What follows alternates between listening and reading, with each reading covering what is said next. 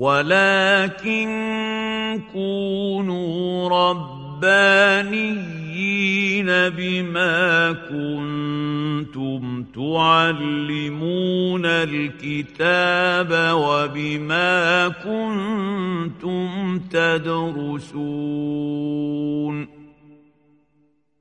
شيخ العمود وأهل العلم أحياء. شرح المنظومة البيقونية في علم مصطلح الحديث. المستوى الأول المحاضرة الثالثة. وقد انعقدت هذه المحاضرة يوم الأحد بتاريخ العاشر من ديسمبر عام 2017 من الميلاد. الموافق الثاني والعشرين من ربيع الأول من عام 1439 من الهجرة. بعد صلاة العصر بمدرسة شيخ العمود بحي العباسية محافظة القاهرة. الحمد لله رب العالمين والصلاة والسلام على أشرف المرسلين سيدنا محمد وعلى آله وصحبه ومن تبعهم بإحسان إلى يوم الدين وبعد. قبل أن نبدأ في المنظومة مباشرة المنظومة البيقونية نجيب على سؤال ما معنى المستخرجات؟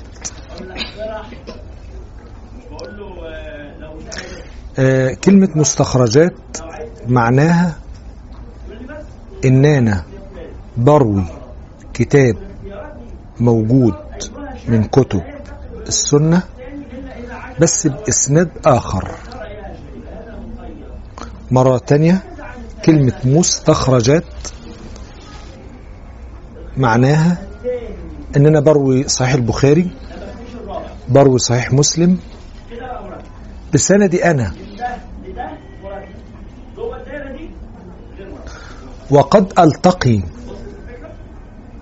اللي هو صاحب المستخرج صاحب المستخرج. قد يلتقي في السند مع شيخ صاحب الكتاب أو شيخ شيخه أو حتى الصحابي. من ماشي واحدة واحدة عندنا الإمام البخاري راوي الأحاديث بإيه؟ بأسانيده. فيجي واحد حافظ من الحفاظ اسمه أبو نعيم. فيعمل على صحيح مين؟ أو مسلم كتاب اسمه المستخرج. يعني إيه؟ مفيش حاجة غير إن هو بيروي نفس الأحاديث اللي في كتاب البخاري أو مسلم.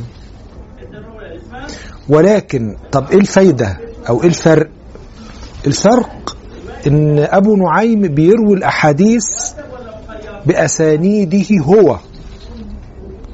وليس بأسانيد البخاري ولا مسلم. طب هل ممكن يلتقي أبو نعيم في سنده مع البخاري أو مسلم؟ نعم. يلتقي في إيه؟ في شيخ البخاري؟ ها. أو شيخ شيخه؟ أو لا يلتقي إلا مع الصحابي. يبقى ده معناه إن الم... صاحب المستخرج روى الأحاديث بإسناده هو ولم يلتقي مع صاحب الكتاب إلا في الصحابي فقط. عيد تاني؟ عيد تاني؟ ده اسمه مستخرج.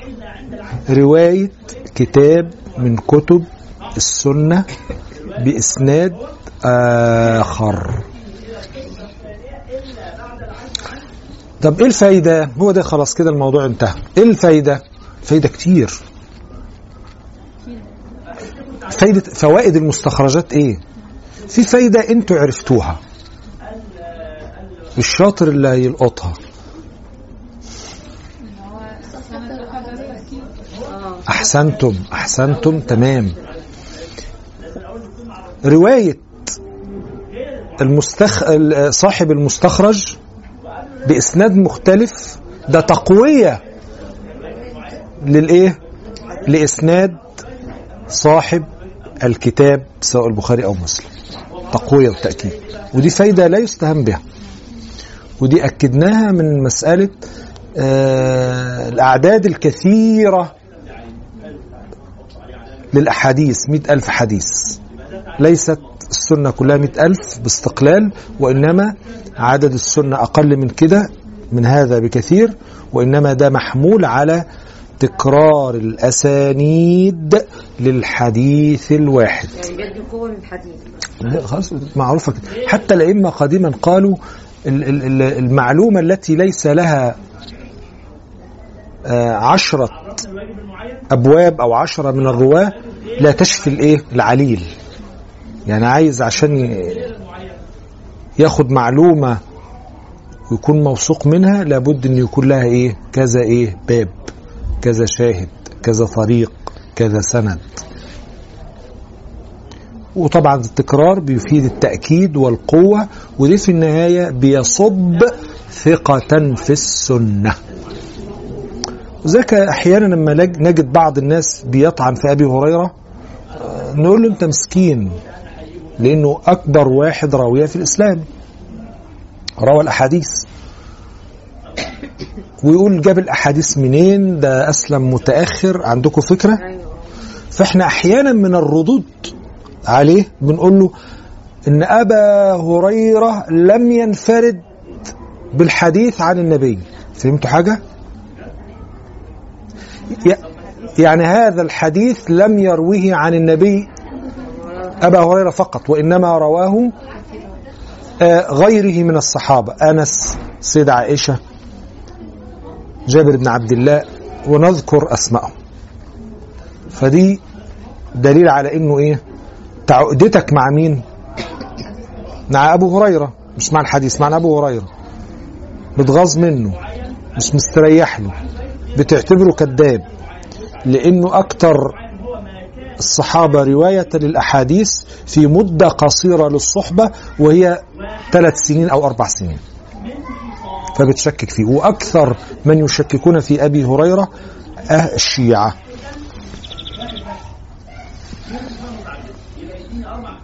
ماشي؟ بالتالي آه، مسألة التقوية الأسانيد دي ها بنستفيد منها ثقة ها تقوية للأحاديث وتزيد الثقة في السنة ولو حد بيطعن بنرد. في فايدة تانية مهمة وبعد كده ننقل اللي هي إيه؟ فايدة المستخرجات. لو في أي مشكلة في السند أو في المتن فيه إيه؟ مشكلة. في السند أو في المتن للبخاري أو مسلم إن شاء الله بنجد الحل فين؟ بنجد الحل فين؟ في المستخرج إزاي؟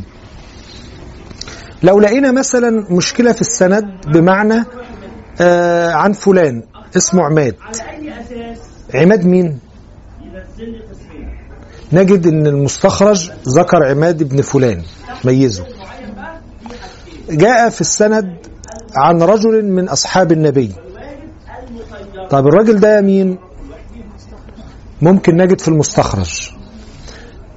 الإمام البخاري أو مسلم روى الحديث باختصار. نجد صاحب المستخرج بيروي الحديث بقصة أو بسبب ورود الحديث.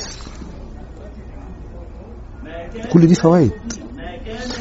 ممكن نجد إن الحديث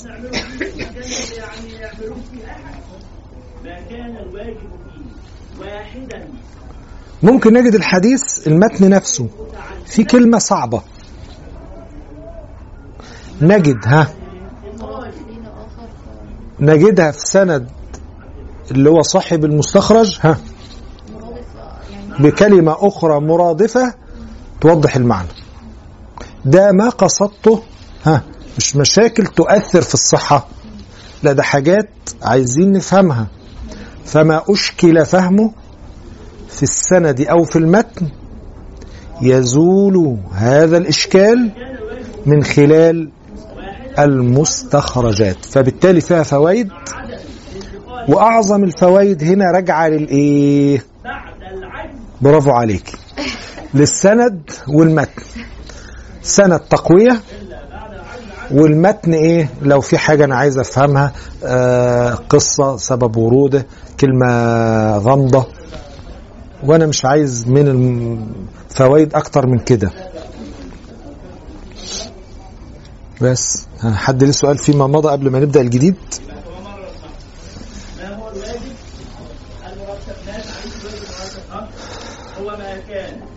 تمام؟ ماشي. آه، حد فيكم عايز يقرأ بقى؟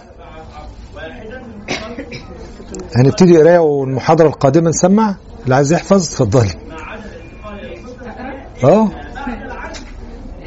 المتن أيوه. هناخد الخمس أبيات الأولى زي ما اتفقنا.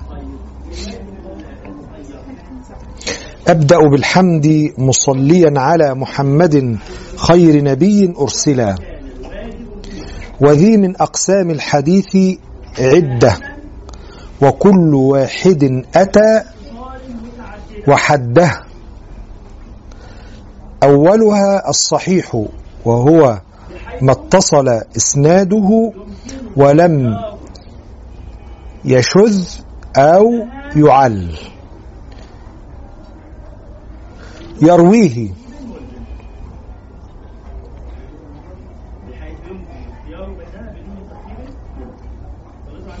يرويه عدل ضابط عن مثله.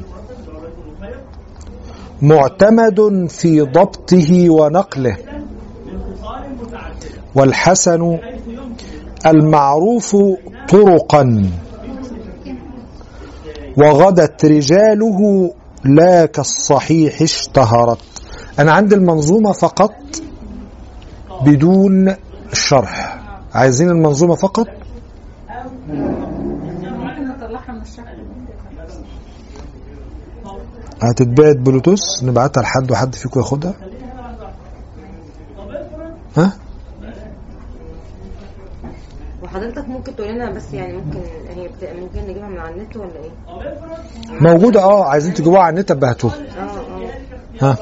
عشان الشرح فيه صفح كتير. أيوه أيوه آه، فإحنا هجيبها لكم الشرح وصفحة كام آه، لا اصل هي على صفحات يعني 28 أول صفحة 28 أول بيت. أيوه. بعدين في فاصل. أيوه صح. بقى يبقى محتاجة لوحدها عشان تقرأ.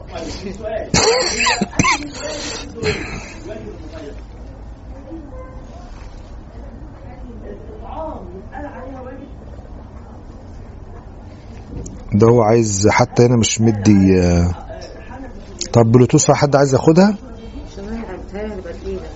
هتبقى تقيلة طب خلاص.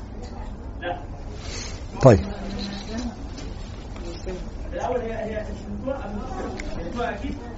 خلاص يبقى المرة الجاية نسمع على طول. طيب. أبدأ بالحمد مصليا على محمد خير نبي أرسلا. أبدأ بالحمد مصليا على محمد خير نبي أرسلا. طبعا إحنا عندنا الحديث الصحيح كل شيء لا يبدأ فيه ببسم الله فهو إيه؟ أبطر أبطر يعني إيه؟ ناقص. وناقص يعني إيه؟ منزوع البركة. مين اللي خسران؟ إحنا. آه بالمناسبة آه آه سمعتها وقرأتها بس بصراحة محتاجة تحقيق ونرجع للمصادر الأجنبية. وهي إن تأثير البسملة والقرآن على الطعام والشراب مفيد لصلاحيته ويمنع الضرر. كما نقول حتى عند النوم بسم الله الذي لا يضر مع اسمه شيء في الأرض ولا في السماء. ويقال إن البعض عمل آه، زراعة في مكانين. زراعة في مكان سمع النبات أذكار قراءة قرآن. فقال حال النبات اختلف تماما عن نبات آخر سمعه غناء وسوء أخلاق سباب وشتائم. كان اللي هو بيعمل هذا بيقول إن فيه إيه؟ في تأثير للأذكار على حتى الإيه؟ النباتات. آه، إحنا محتاجين نستوثق وناخد المعلومة من مصادرها لأن أحيانا آه، في بعض الملحدين بيتعمد آه، اختراع قصص ويستخف بعقول المسلمين. زي بين الحين والآخر الراجل خادم الحرمين اللي ماسك ال- الباب ال- ال- ال- مفتاح المسجد النبوي أو مكة شاف رؤيا والنساء والرجال والدنيا فسدت و... واللي مش هينشرها ديت هيحصل له كيت وكيت. وفلان نشرها حصل له خد خير. وفلان ما ده آه، بيبقى فيه نوع من أنواع البعض بيجس النبض. لمدى قابلية المسلمين لل- للإشاعات وعقولهم تميز أو لا تميز؟ فلا مانع أن يكون أيضا يخش في العالم في الوقت اللي إحنا عايشين فيه ده ال- الأمور دي. بس إحنا ما نختلفش في النهاية إن في إن فعلا تأثير. وبعض وبعضهم أعتقد الدكتور زغلول النجار أشار لكده بس إحنا إحنا محتاجين المراجع الأجنبية ومحتاجين ترجمة ونستوثق ونفهم أكثر. قالوا ال- ال- الشكل ال- المياه مع البسملة من خلال التحاليل اختلف تماما عن شكل المياه اللي هي لا يذكر عليها اسم الله. ال- الأبحاث ما هي إلا تأكيد ولكن إحنا عندنا يقين إن رب العباد لا يأمر بشيء إلا وفيه خير. والخير ده لنا قبل ما الله غني عن عباده. وغني عن إن هم لو أن إنسكم وجنكم ولو أن الإنس والجن كانوا على أفجر قلب رجل واحد ما نقص ذلك في ملك الله شيئا.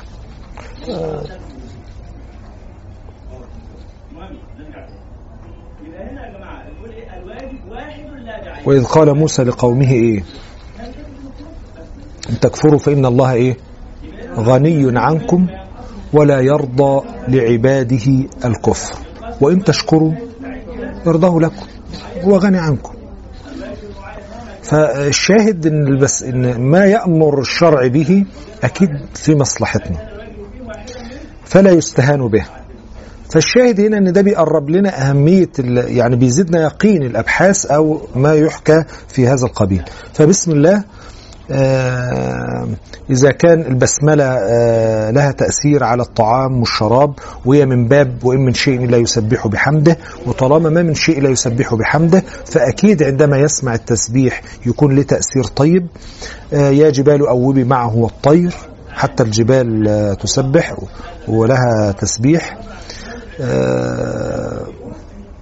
وإن منها لما يهبط من خشية الله لو أنزلنا هذا القرآن على جبل يبقى بالتالي آه، كوني حتى بطلع على جبل وأقول بسم الله ده أكيد في آه، في فايدة ليا وأنا كده. باكل وبشرب أكيد في فايدة ليا. بعمل عمل أكيد العمل ده يكون مبروك وما أخطأش إلى آخره. إذا مسألة البسملة في كل شيء أمر حتى في مع الرجل مع أهله وإن لم يذكر الشيطان تدخل الشيطان. فيما بينهما من ولد ده, ده مسألة خطيرة يعني. آه ولذلك حتى عند دخول ال- البيت إذا دخل الإنسان وسمى عند الدخول وسمى عند الطعام والشراب. سمى عند الدخول الشيطان بيقول لا مبيت. خلاص يبقى انت اللي بتطرده. طيب وسمى عند الايه؟ قال ما فيش عشاء. انت حرمته من العشاء. لا سمى عند المبيت ولا عند العشاء. لا، هو داخل. الشيطان كما صرحت السنة يقول أدركنا المبيت والعشاء. فأنت دلوقتي إنه يراكم وقبيله من حيث لا ترونهم يبقى مسألة بسملة وحاجة بسيطة آه، تتخيلوا بقى ده مش مسألة أكل وشرب بقى. مش مسألة أكل وشرب. ده عفاريت بتخش وتنام معانا. فشوفوا إحنا يعني آه، كل ده بإيه؟ بكلمة بسيطة وهي بسم الله الرحمن الرحيم. بسم الله الذي لا يضر مع اسمه شيء في الأرض ولا في السماء. آه، بعد ال- الحمد لله بتأتي قضية الإيه؟ آه، الصلاة والتسليم على سيدنا رسول الله. آه، من- آه، صلى علي صلاة صلى الله عليه بها إيه؟ عشرة. آه، فوائد الصلاة على سيدنا رسول الله صلى الله عليه وسلم آه، أعظمها أنه يستجاب الدعاء حين يذكر سيد ولد آدم في الدعاء. ولذلك من آداب الدعاء استفتاحه بالحمد ها والصلاة والسلام على رسول الله ثم أدعو بما أشاء من خيري الدنيا والآخرة ثم أختم ها برضو بالصلاة والسلام على رسول الله وبالحمد وآخر دعوانا أن الحمد لله رب العالمين. لا يرد الدعاء لا يرد الدعاء بينهما. يبقى أنا بحمد الله أصلي وأسلم على رسول الله والصلاة والسلام على رسول الله في الدعاء هي نوع من أنواع الاستشفاع به وهي نوع من أنواع التوسل بالنبي قبل أن أدعو. وهي من باب الوسيلة كما قال تعالى يا أيها الذين آمنوا ها. سورة المائدة. اتقوا الله وابتغوا إليه الإيه؟ الوسيلة. فذكر النبي والصلاة والتسليم عليه نوع من أنواع الإيه؟ ها. التوسل والشفاعة.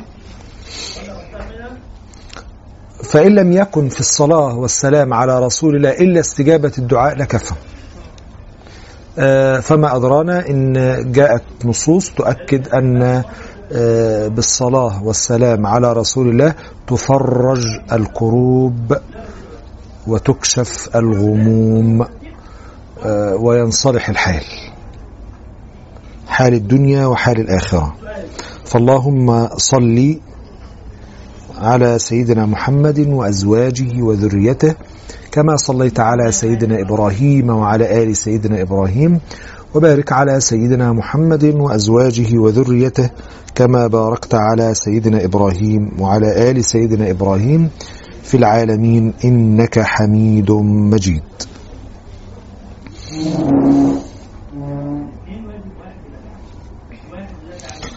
طيب أبدأ بالحمد مصليا على محمد خير نبي أرسل خلاص. بدأ مباشرة. وذي من أقسام الحديث. عدة. يعني إيه؟ عايز يقول أقسام الحديث متعددة. إليك أقسام الحديث وهي متعددة. وكل واحد أتى. كل واحد من الأقسام ديت سأذكره. وحده. حده يعني إيه؟ حده يعني تعريفه. فبيقول أولها أول الأقسام. هو ذكر هنا الأقسام كام؟ ثلاثة الأقسام الرئيسية. صحيح؟ يليه أقل منه حسن. يليه ضعيف.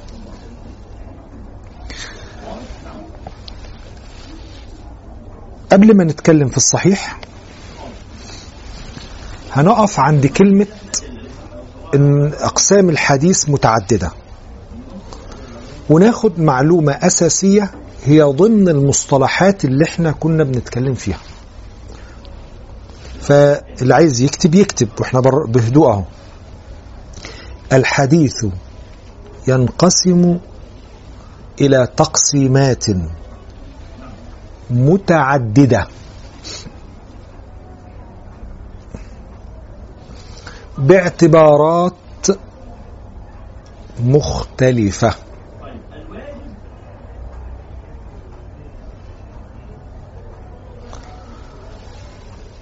من أول السطر واحد فباعتبار شروط. الصحة الخمسة ينقسم إلى ثلاثة أقسام. نقطتين من أول السطر واحد صحيح. اتنين حسن. تلاتة ضعيف.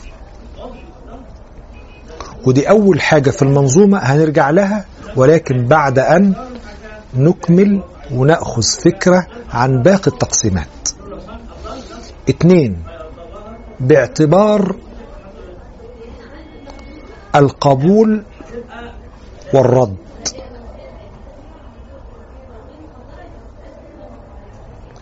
ينقسم إلى قسمين. نقطتين من أول السطر. واحد مقبول.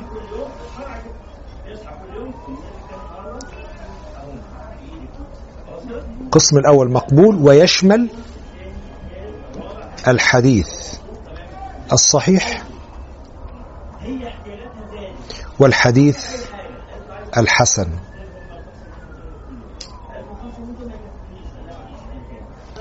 من أول السطر المردود القسم الثاني المردود. بين قوسين الضعيف بأنواعه.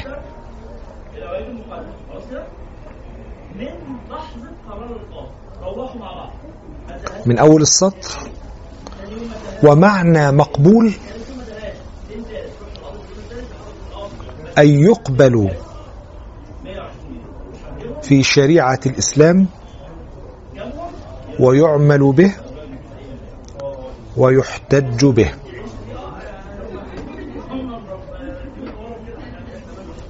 من أول السطر ومعنى مردود عكسه. أن يرد في شريعة الإسلام ولا يعمل به ولا يحتج به.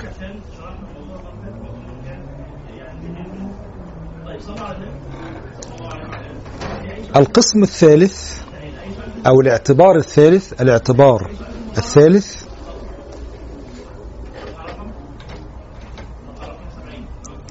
باعتبار من أسند إليه متن الحديث.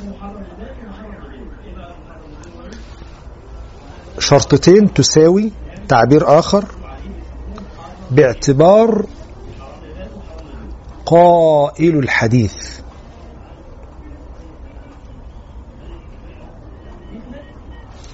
وينقسم إلى ثلاثة أقسام.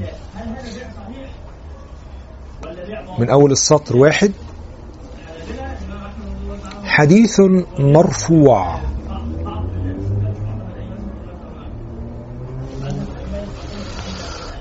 أي قاله النبي صلى الله عليه وسلم. من أول السطر. حديث موقوف.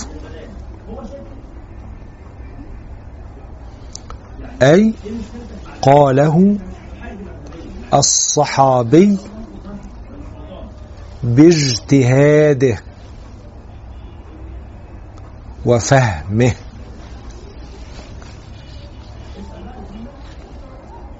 من أول السطر ثلاثة مقطوع.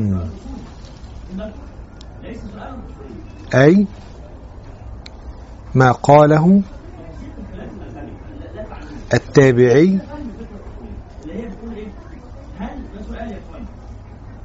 باجتهاده وفهمه من أحكام الإسلام.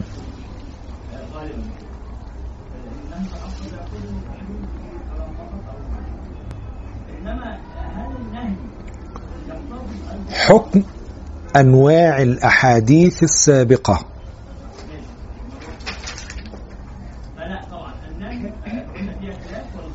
تشمل الأحكام الحديثية الثلاثة. تشمل الأحكام الحديثية الثلاثة. عارفينهم؟ بين قوسين الصحة الحسن الضعف. يعني هل كل حديث مرفوع صحيح؟ لا. إما وإما وإما. هل كل كلام نسب للصحابي صحيح؟ إما وإما وإما. هل كل كلام قاله التابعي صحيح؟ لا إما صحيح وإما حسن وإما ضعيف. دي المعنى. دي الأحكام الحديثية. الاعتبار الإيه اللي بعد كده؟ الرابع. الاعتبار الرابع. باعت- باعتبار نكتب أربعة من أول السطر. باعتبار عدد الرواة. في كل طبقة. من الطبقات ينقسم الحديث إلى قسمين.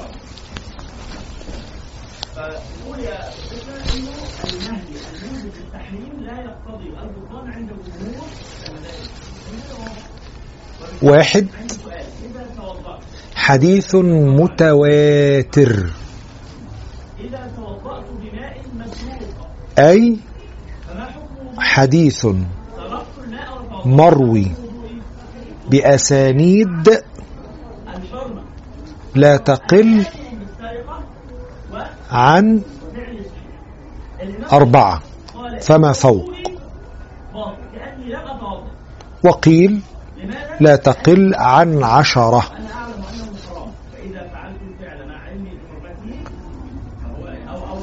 لا تقل عن عشرة أسانيد.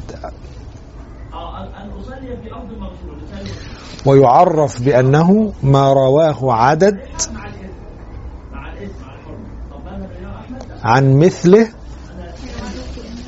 عدد عدد عن مثله من أول الإسناد إلى الصحابي. العدد ده كام؟ قيل أربعة وقيل عشرة. تمام؟ القسم الثاني. الآحاد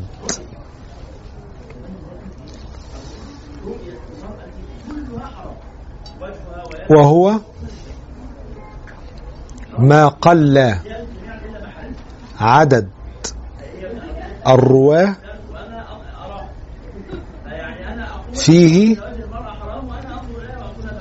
في أي طبقة من الطبقات؟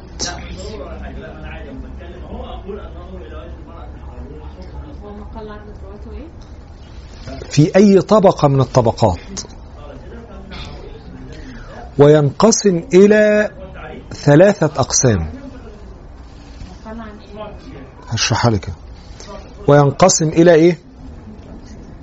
نبدأ في الأول واحد آحاد غريب. آحاد غريب. وهو ما وجد في طبقة من طبقاته راو واحد فقط.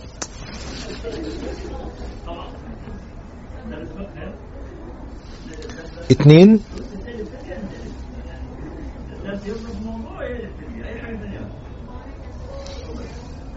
آحاد عزيز. وهو ما وجد في إحدى طبقاته راويان فقط.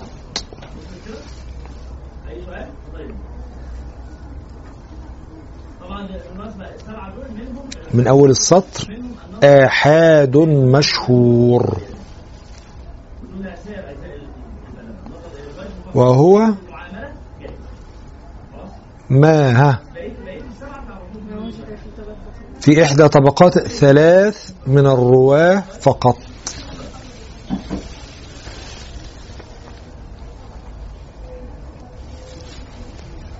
نرجع بقى. خلاص كده ناخد نفسنا شوية.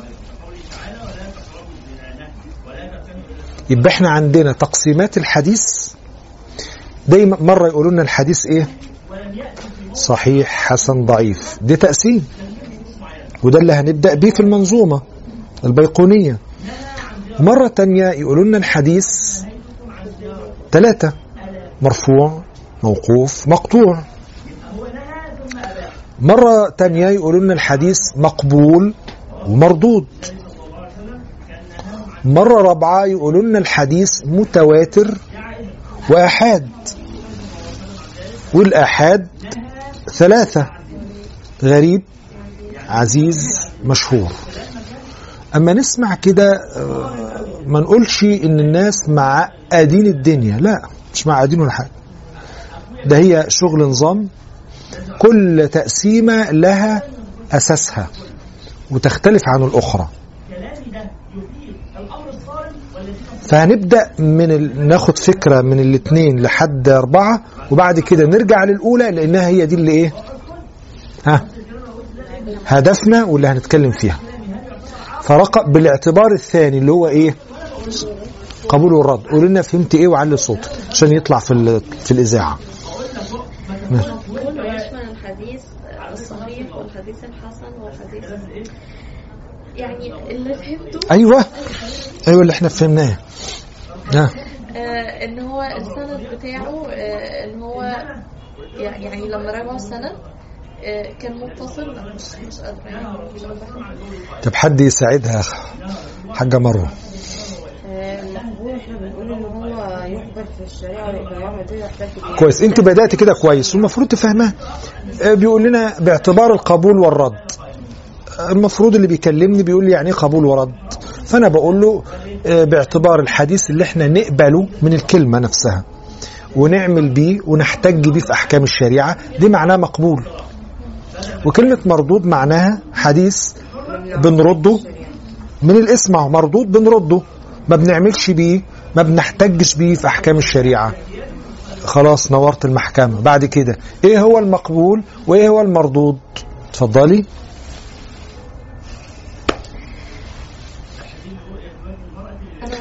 آه ماشي. آه المقبول قلنا اللي هو بي- بيقبل بيه وبنعمل بيه. عرفنا تعريف. خلاص. آه اللي هو زي الصحيح وال- والحسن وال بس خلاص هو ده. يبقى إيه الحديث اللي إحنا بنقبله في أحكام الشريعة؟ اللي العلماء وصفوه بإنه صحيح حسن؟ دي أشهر درجات يا حضرات. أشهر حاجة صحيح وإيه؟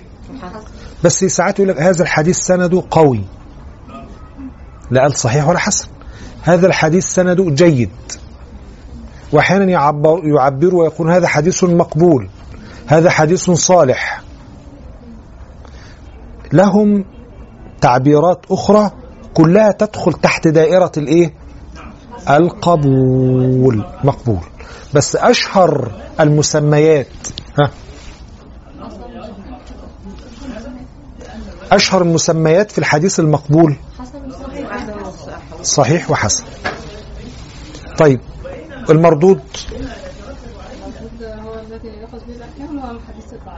بانواع نرده ما نعملش بيه لا نحتج بيه.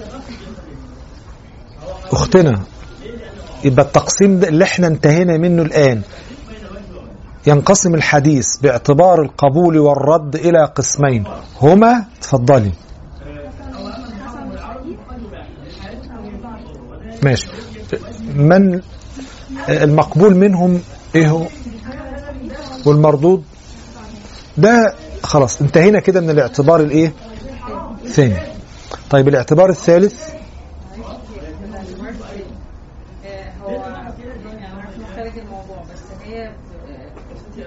كده إن هو ضعيف يؤخذ به في فضائل الأعمال. آه كويس. ده هنعرفه أما نيجي نتكلم بقى هنا ضعيف وحكمه آه هناخده بالتفصيل.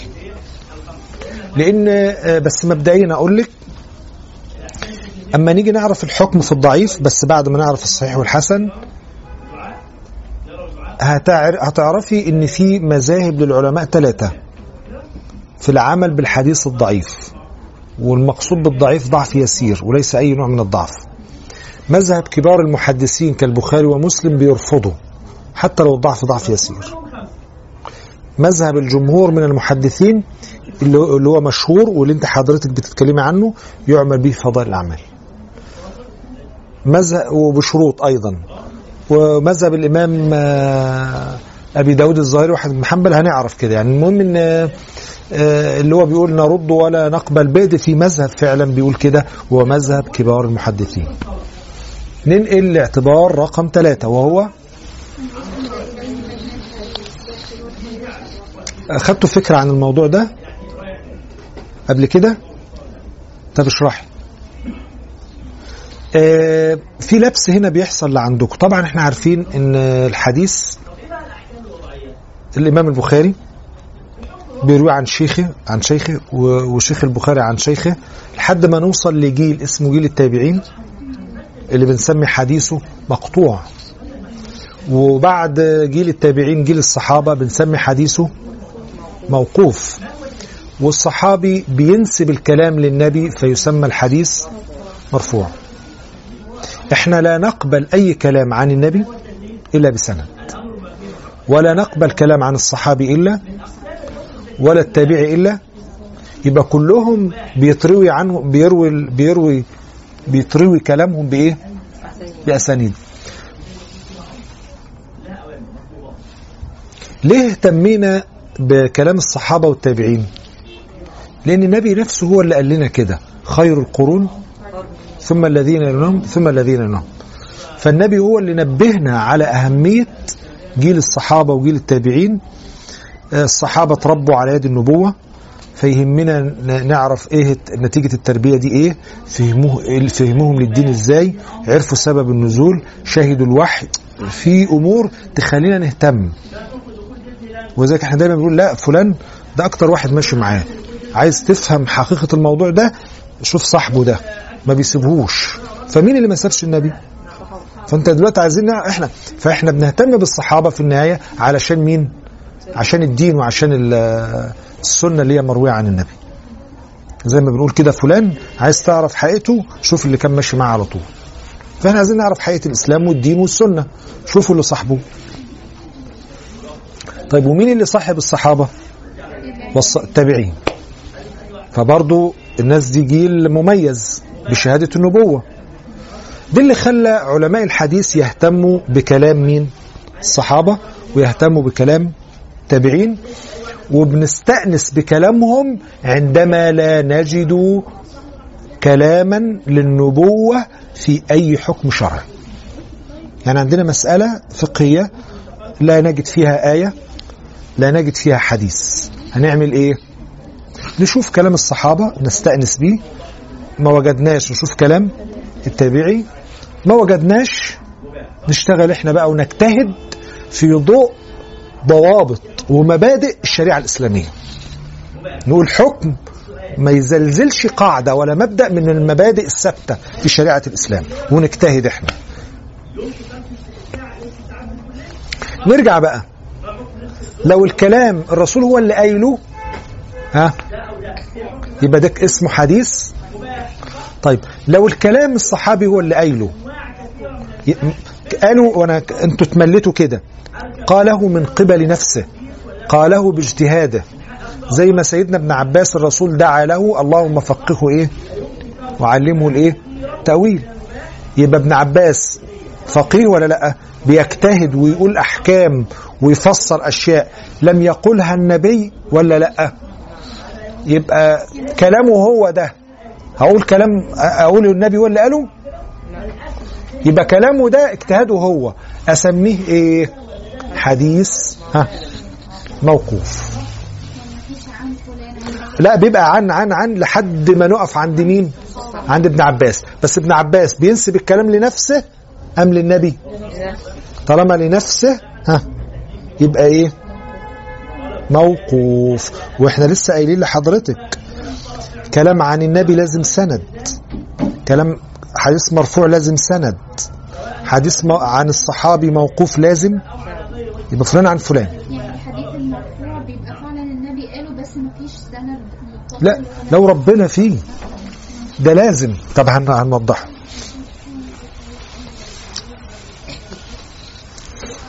لا إله إلا الله. صلى على النبي. الإمام البخاري بيروي الحديث عن شيخه وشيخه عن شيخه لحد مين؟ تابعي والتابعي عن الصحابي والصحابي عن النبي. خلاص ده السنة لو لقينا الصحابي قال قال رسول الله يبقى اذا الحديث إيه؟ حديث آه، حديث مرفوع. لأن الكلام كلام مين؟ كلام مين؟ كلام النبي. طيب هنلاقي البخاري أو مسلم أو الإمام مالك في الموطأ فلان عن فلان عن فلان عن التابعي عن مين؟ قال. مين اللي قال؟ الصحابة. يبقى ده اسمه إيه؟ ده موقوف. الصحابي نسبوا للنبي؟ موقوف الإمام آه، مالك في الموطأ فلان عن شيخي عن فلان.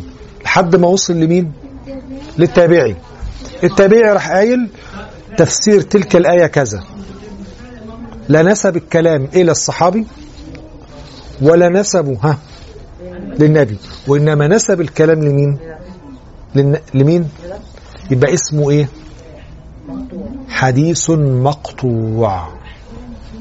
وإحنا قلنا سواء مرفوع ها. لازم يكون له سند وحكم الأسانيد يدور بين قد يصح قد يح- يحسن قد يضعف. سواء مرفوع ها. مقطوع انت نفسك ممكن الناس تروي عنك كلام ممكن يكون صحيح ممكن يكون غير صحيح؟ يكون ضعيف. آه الحديث اللي فيها احد الصحابه آه، بيخص فعل شاف الرسول بيعمل بيعمله. برضه بيتقال عليه موقوف؟ شكرا. لا. يقال عليه مرفوع. كان النبي إذا مشى كأنه ينحدر من مكان مرتفع من صبب. يبقى ده اسمه حديث مرفوع. لأنه وصف فعل أحسنتي. والسنة هي قول أو فالنبي مش هيقول لكم أنا فعلت كذا إلا إذا سئل. وإنما الفعل مين اللي بيحكيه؟ الصحابة ودايما الشمائل كلها كان النبي يفعل كذا كان كذا كان كذا. آه، حصل كذا فقال كذا. أو كده. ماشي. اتفضلي.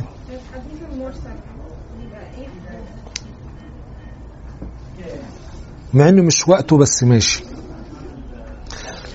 لو التابعي نسب الكلام للنبي التابعي كلامه بيسمى حديث إيه؟ مقطوع. لو هو نسب الكلام وقال قال النبي. ها؟ برافو عليك. يبقى اسمه ده حديث إيه؟ مرسل. مرسل يعني من الاسم. أرسل الكلام دون أن يسمعه أرسل بيقول كلام مرسل. زي ما أنت بتكلميني كده فين دليلك على الكلام ده؟ ما ينفعش كلامك الإيه؟ المرسل. مرسل يعني ليس منسوب الكلام لمصدر لمصدره. ما سمعتيش منه. فهل التابعي شاف النبي؟ أدي ده مرسل. ما ينسبه التابعي إلى النبي. يبقى عرفنا الاعتبار الإيه؟ رقم إيه؟ ثلاثة الاعتبار الأخير. كلمة. آه، عدد الرواة في كل طبقة عشان نقرب المسألة. الطبقة بنعتبرها جيل. وهنخلينا إن الطبقة هنا الصحابة طبقة. ها. وهكذا. فباعتبار الحديث روايات الحديث في كل طبقة بينقسم إلى إيه؟ وأحاد لو وجدنا عشرة أو أربعة. رووا الحديث. عشرة من الصحابة أو أربعة من الصحابة. أربعة من التابعين. أربعة من تابع التابعين. تابع تابع التابعين. لحد ما نوصل أربعة من الأئمة. رووا حديث واحد يبقى يصبح حديث إيه؟ متواتر. لأن الحديث المتواتر اللي تعددت إيه؟ أسانيده. ما رواه جمع عن جمع. كلمة ما رواه جمع عن جمع مش معناها حضرتك أجيب سند واحد ونقول إيه دي نادرة بتوجد بس في مش في كل السند. أحيانا الإمام من أئمة السنة يقول حدثني فلان وفلان وفلان وفلان ذكر أربعة من شيوخه. وبعد كده عن فلان عن فلان عن فلان عن فلان. فأنا نق هم يقصدون جماعة عن جماعة مش معناها إيه في السند الواحد يذكر لك أربع شيوخ وأربع شيوخ عن أربعة مثلهم عن أربعة من التابعين عن أربعة من الصحابة. لا ما نقصدش كده. مفيش أسانيد كده. إحنا نقصد إيه؟ ان أنا الحديث اللي أنا بحكم عليه متواتر أما أجي أجمعها. أسانيده؟ أشوف قدامي كام؟ أربعة من الصحابة. يبقى أربعة في طبقة الصحابة أهو. واجمع في الأسانيد تاني. أجد كام؟ أو أكتر. ماشي. المهم ما يقلش عن أربعة. وأربعة من تابع. وفي النهاية بجد أربعة من الأئمة. رووا الإيه؟ يبقى في النهاية الحديث ده ماله؟ متواتر ليه؟ لأن رواة جمع عن جمع. في وقت واحد؟ لا رواة جمع في كل الطبقات. وجدنا أربعة في طبقة الصحابة أربعة في طبقة التابعين أربعة في طبقة تابع التابعين في تابع تابع التابعين بس هو ده المطلوب. وصلت؟ ده المتواتر يفيد اليقين قوة. الآحاد يبقى كلمة تواتر من الاسم. تواتر الشيء يعني إيه؟ تتابع. ثم أرسلنا رسلنا تترى. رسول بعد رسول تقوية. طيب ال- الآحاد من من اسمه يعني آه، نصيحة لحضراتكم. أي حاجة صعبة سواء في المصطلح أو غيرها كل ما أنا أقدر أفهم المصطلح من خلال اسمه الأمور بتسهل. أما أجي أقول لك يعني إيه صحيح؟ سليم. هو ده تعريف اللغة لكلمة صحيح. حسن جميل مقبول بنقبله مردود بنرده ضعيف مريض تعبان متواتر كتير آحاد حاجة واحدة وهكذا.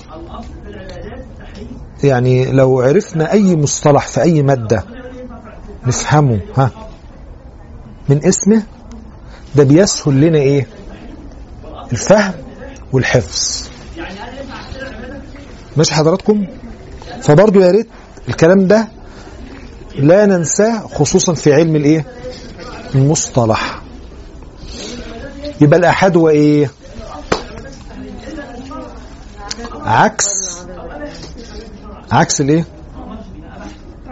عكس التواتر. عكس التواتر أشهر حاجة في عكس التواتر إنه يختل العدد في أي طبقة من الطبقات. يختل إيه؟ فلو وجد في طبقة من الطبقات راوي واحد وباقي الطبقات أربعة وعشرة وخمسة وستة ومية يبقى برضو اسمه إيه؟ ها؟ أحد إيه؟ غريب واحد بس. طب عزيز فعززنا قوينا. لو وجد في طبقة من الطبقات ها اثنين وباقي الطبقات مئات ألوف. برضو اسمه آحاد ها عزيز. وجدنا ثلاثة في طبقة من الطبقات والباقي إيه؟ كتير. يبقى اسمه إيه؟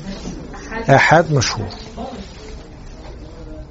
يبقى قضية التواتر مرتبطة بشرط أساسي نقط أكمل. العدد العدد. والعدد لابد أن يكون متوفرا فيه. اختل يصبح. ننظر في الخلل. أحاد غريب. لازم نقول في طبقة من الطبقات. أحاد عزيز. أحد مشهور. طبقة واحدة طبقة أكتر من طبقة. طالما وجد في طبقة أو اتنين تلاتة مشهور. طبقة أو اتنين ها؟ ع... راويين عزيز برضه. آه يعني أنا بحكم باعتبار أقل عدد. فأقل عدد واحد. إذا هو غريب. واحد. أقل عدد في الطبقات اثنين لو في طبقتين اثنين ها؟ برضو عزيز. لو في في في طبقتين برضو غريب. وباقي الطبقات ما شاء الله عدد كبير ما في مشكلة الحكم هو هو. بحكم باعتبار إيه؟ عدد الرواية أقل عدد. متى وجد؟ في طبقة أو طبقتين. الحكم النهائي هو كده. ها؟ طب قولي. تمام عيدي. لخصي مم. آه، باعتبار عدد الرواة في كل طبقة بينقسم إلى متواتر وإلى أحاد كويس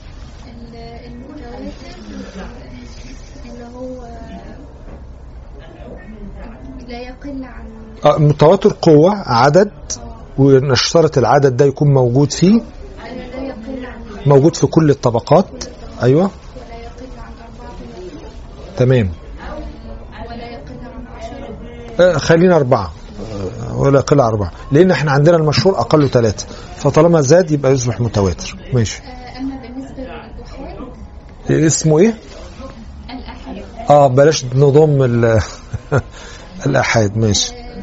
وهو ما قل عدد الرواة في إحدى الطبقات بينقسم إلى آه، أحاد غريب اللي هو بيبقى إحدى طبقاته بيبقى راوي واحد. جميل.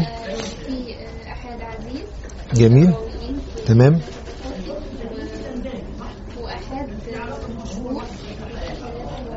كويس. الأقسام الثلاثة أحاد غريب وعزيز ومشهور تشملهم الأحكام الحديثية الثلاثة. برضه نكون مستحضرينها في ذهننا. حتى المتواتر نفسه في صحيح وفي ضعيف. ال- إحنا دلوقتي ال- ال- المتواتر ركزنا فين؟ في العدد. بس بعد كده في شروط تانية غير العدد. ممكن تختل. فيتغير الحكم.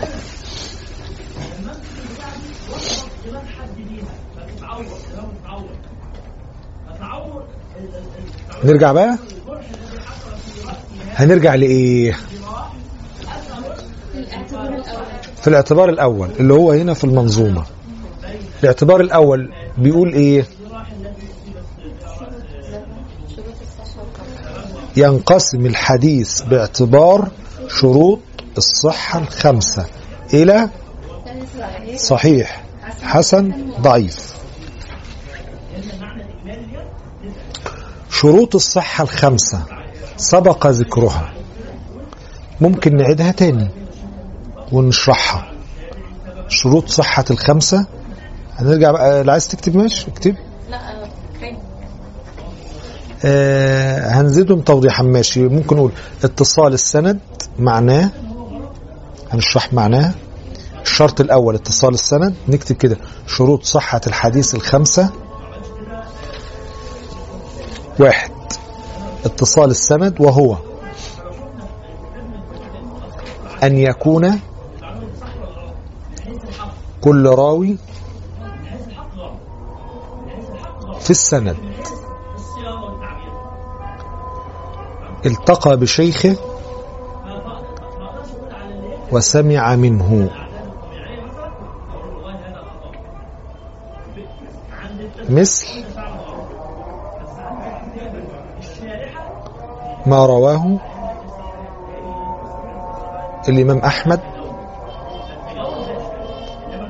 عن الشافعي عن مالك عن نافع عن ابن عمر. وتسمى تلك السلسلة بسلسلة الذهب.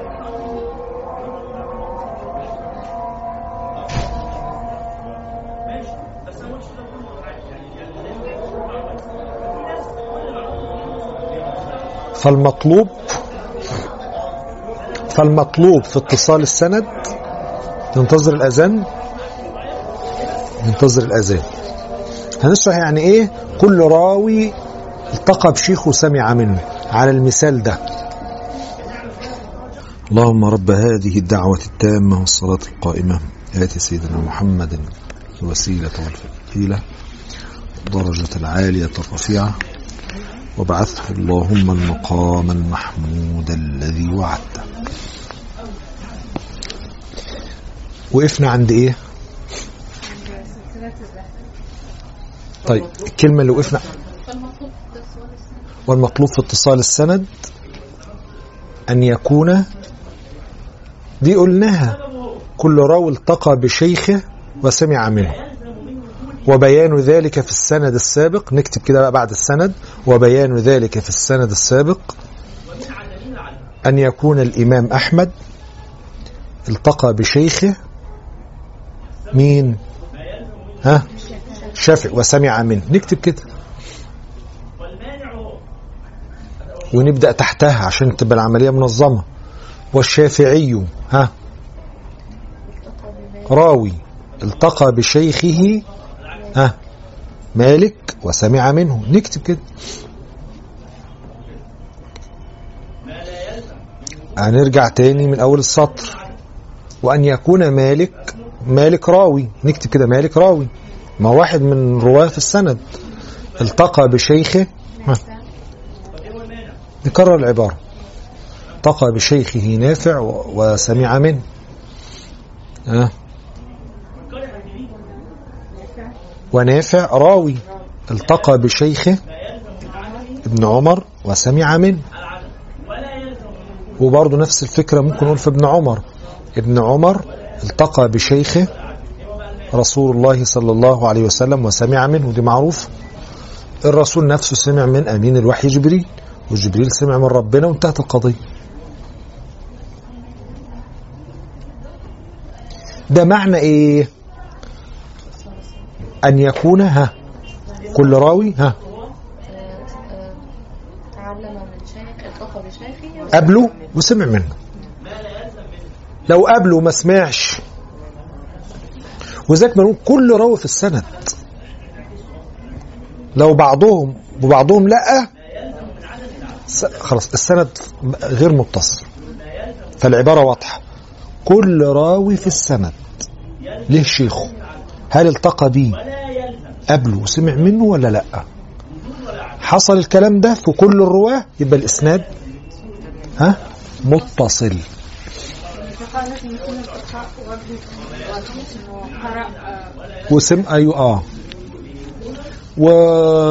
وفي بعضهم لم يشترط اللقاء وإنما تعصروا في عصر واحد. آه في نفس العصر. بس ما التقاش رؤية بس سمع النص كده. تمام تمام. وفي حاجة اسمها إجازة ممكن يكون لم يأخذ منه مشافهة وإنما خد بالإجازة. في إجازة أنتوا بتاخدوها لازم يكون سمعوا. لا ده في إجازة بيعت... آه، بالمراسلة. فلان يقول له آه، أنا فلان وأنت تعرفني وأنا آه، مثلك متخصص فبستأذنك تعطيني إجازة بمرويات الأحاديث.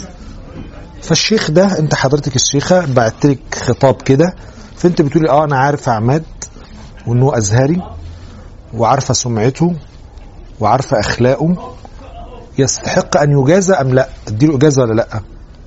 فأنت بتقولي خلاص ماشي أجزت لك أن تروي عني ما رويته في الكتب الستة أو التسعة أو كتب في الفقه أو كتب في العقيدة. فبالتالي هنا في معاصرة وفي طلب إيه؟ إجازة. لأن وسائل التحمل عن الشيخ أعلاها إن إحنا نسمع من الشيخ. ويليها في نفس القوة إن الشيخ يسمع منك اللي هو العرض اسمه العرض. تعرضي؟ الشيخ قاعد سميع خير. أيوة صح. طالما صح أقرك. وفي النهاية يقول لك أجازتك. يليها الإجازة. أنت بتطلبي الإيه؟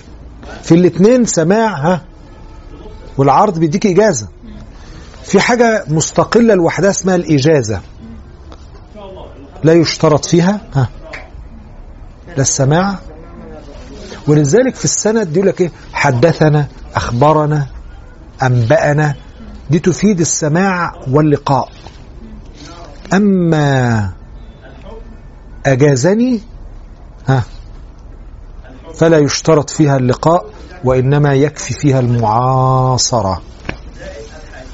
ودي حصلت بالفعل بالمشايخ كتير. بيبقى في علماء حديث في المغرب آه، علماء حديث في الشام آه، في الهند. فلان يراسلهم ومش متمكن غير لا يتمكن من السفر فبيرسل له بريد خطاب وبيستأذنه إنه يجيزه. ودي معروفة في وسط المشايخ. ها. في الحالة دي يا شيخ في حلقة في النص سمع سمع هو اللي وصلت الشيخ الأجاز والشيخ اللي أجيز مش عارفين هي إيه. لا هي معروفة الحلقة. الحلقة هنا إيه بقى؟ إن إن أنت الشيخة وأنا بعت لك طلب وأنت عارفاني.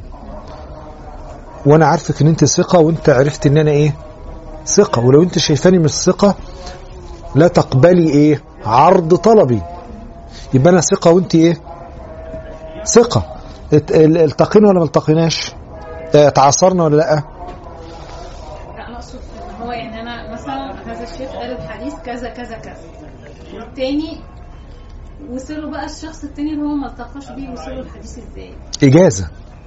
أيوه إجازة يعني وصلوا مكتوب أو ولا وصلوا سماعا عن طريق شخص تاني. لا لا إجازة كده مكتوب. آه يعني نص المتن الحديث وصلوا كتابة. أيوه. آه. أيوه. يبقى في اتصال ولا ما فيش؟ يعني وأنا اما أجي اروي أقول. آه، آه، أقول اسم حضرتك واقول اجازة. عن فلانة اجازة. عن فلانة وصية. في. في وصية. عن فلان وجادة. أنا وجدت كتبه. يعني طرق التحمل كتيرة بس أشهرها وأقواها الثلاثه دول. السماع ها العرض التلميذ يعرض.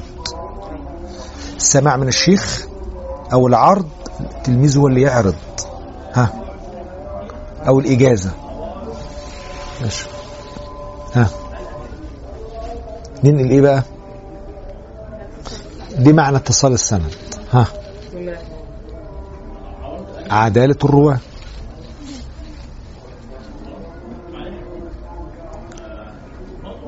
والمراد بها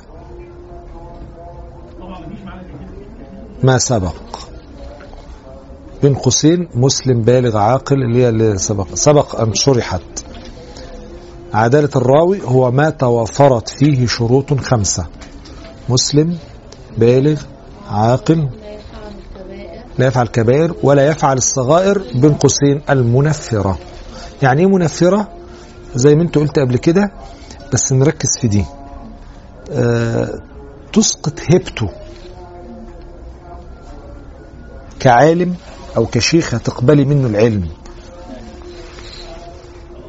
فدي القضية الأساسية. ان أنا عايز اللي أنا اخد منه يكون شخصية محترمة محل ثقة. فلو هو عمل صغائر تسقط هيبته معناها ان أنا هفقد الثقة فيه. فده اللي هو إيه عشان كده القضية كلها مرتبطة بالإيه؟ بالثقة. فالمفروض صغائر لا تذهب بثقته. بس إحنا ما بنعبرش كده بنعبر عنها بنقول لا تذهب بهيبته. عايزة تعبري عنها بثقته؟ ماشي. ماشي. ضبط الراوي معناه أو ضبط الرواة معناه أن يكون كل الرواة في السند ضابطين أي حافظين.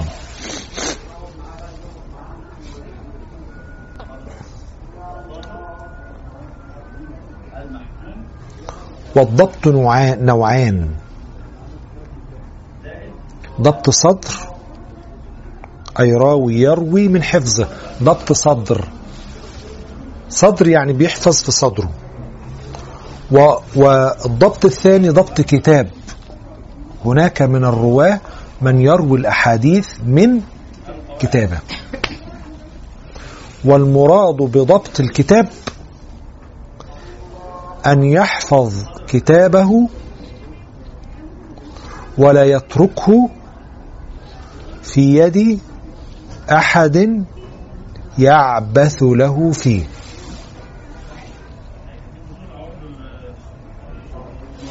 وضبط الصدر أن يستحضر ما يحفظ متى سئل أو متى روى أو حدث.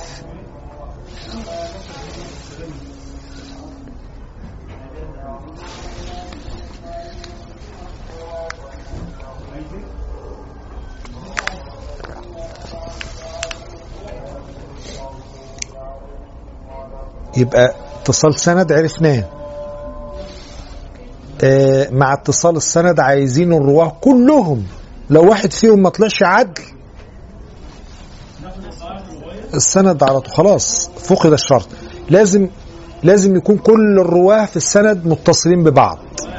التقى بشيخ وسمع منه. لازم كل الرواة من أولهم لآخرهم عدول.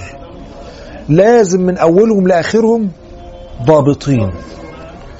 والله بيروي الأحاديث حفظا أهلا وسهلا. بيروي الأحاديث من كتابه مفيش مشكلة. نكتب بعدها وللضبط درجات. درجة أولى حفظ درجة أولى.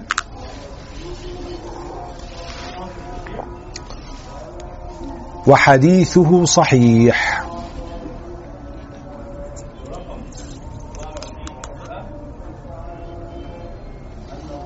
ضبط درجة ثانية.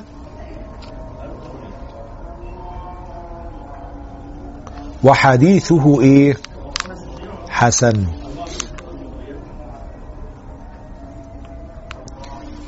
ثلاثة ضبط درجة ثالثة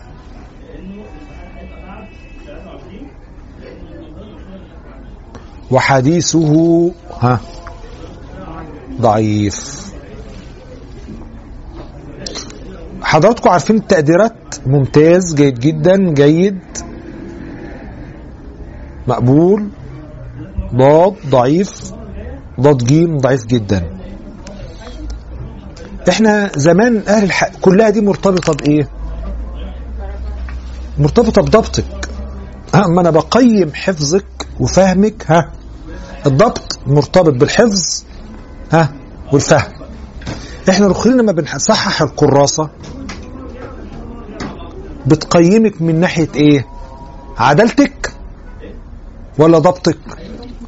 بشوفك حافظة وفاهمة ولا لأ؟ فلو حافظة وفاهمة درجة أولى بتاخدي إيه؟ ممتاز ألف مبروك. خف شوية. بنديكي إيه؟ جيد جدا. لقينا الضبط والفهم. ها جيد. ها؟ مقبول. ها؟ ضعيف. ها؟ ضعيف جدا. وحتى الضعيف جدا. أنتوا عارفين بيبدأ من كام؟ من 44 44 من 100 وحتى الضعيف جدا دي درجات. يبقى 44 وفي واحد إيه؟ ياخد صفر. وذاك اللي هو بياخد ضعيف 45 يقول حرام عليه الدكتور ده. يعني مش قادرين. وهو 45 كده كده بياخد الرأفة. وبينجح بياخد خمس درجات وبيعدي. اللي هو إيه؟ اللي هو كده. إيه بيحسس إن هو المفروض ينجح. فبيقول مش قادرين يدوني كده اللي يرفعني مطلوب يعيد تصحيحه أما اللي هو تشفعي له بقى واخد خمس درجات ولا 20 ولا 15 ينفع؟ تعبان جدا. ضعيف جدا. فضبط الرواة عندنا أيضا درجات. أسوأهم طبعا الكذاب. الم- اللي ثبت كذبه. حط يا أهلا وسهلا إيه إيه أس أسوأهم مين؟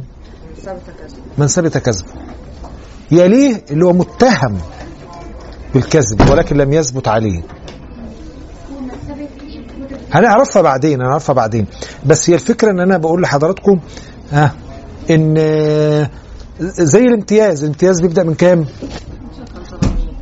لا عندنا من 90 لحد 100 يبقى 90 لحد 100 دي درجات متفاوتة في الامتياز. ده واخد امتياز بجدارة. هو يا دوب خد امتياز بالعافية.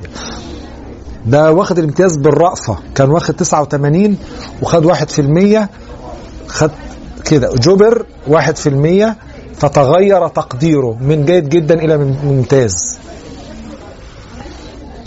آه عايزين ننتبه إن الامتياز في درجات متفاوتة جيد جدا في تفاوت اللي هم العشر درجات دول والمقبول والجيد جدا والضعيف. نفس الفكرة دي موجودة في الصحيح وفي الحسن والضعيف.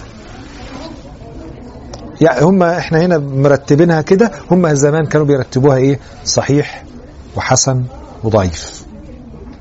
كلمة الدرجات ديت هي ال- الفارق الأساسي بين الصحيح والحسن والضعيف.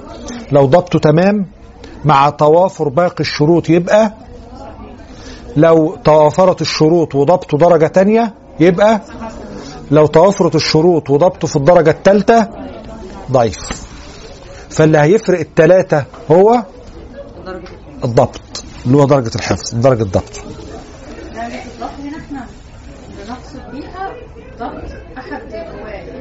لا.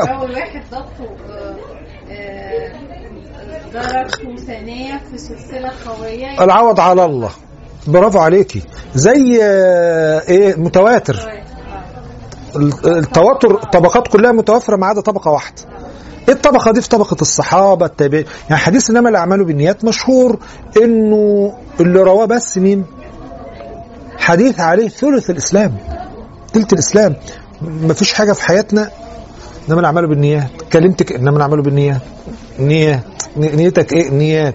كله نيات. يعني عليه تلت أحكام الدين. اللي رواه فقط مين؟ وصح عن مين؟ عن عمر. في طبقة الصحابة. التابعين وتابع التابعين أعداد مئات متواترة. طب نحكم عليه بإيه؟ أحد غريب. أحد غريب صحيح. أحد عشان طبقة الصحابة وغ... عشان اختل عدد التواتر. غريب لأنه واحد فقط في طبقة الصحابة. وصحيح صح سنده. يعني لا حسن ولا ضعيف. كده شكلها فركش بقى وكده ونبقى نكمل إن شاء الله. ماشي يبقى كده إيه؟ إحنا واقفين على إيه؟ ضبط الرواة خلصناها وفهمناها. آه وبالفعل إحنا عايزين نقف على مسألة عدم الشذوذ. نشرحها نكتبها كده إحنا واقفين عليها عشان نبقى نبدأ فيها مباشرة. معنى عدم الشذوذ وعدم العلة. ونبقى نكمل بقية الإيه؟ ما تبقى. شكر الله لكم. هو الذي بعث في الأميين رسولا منهم يتلو عليهم آياته ويزكيهم ويعلمهم الكتاب والحكمة وإن كانوا من قبل لفي ضلال مبين.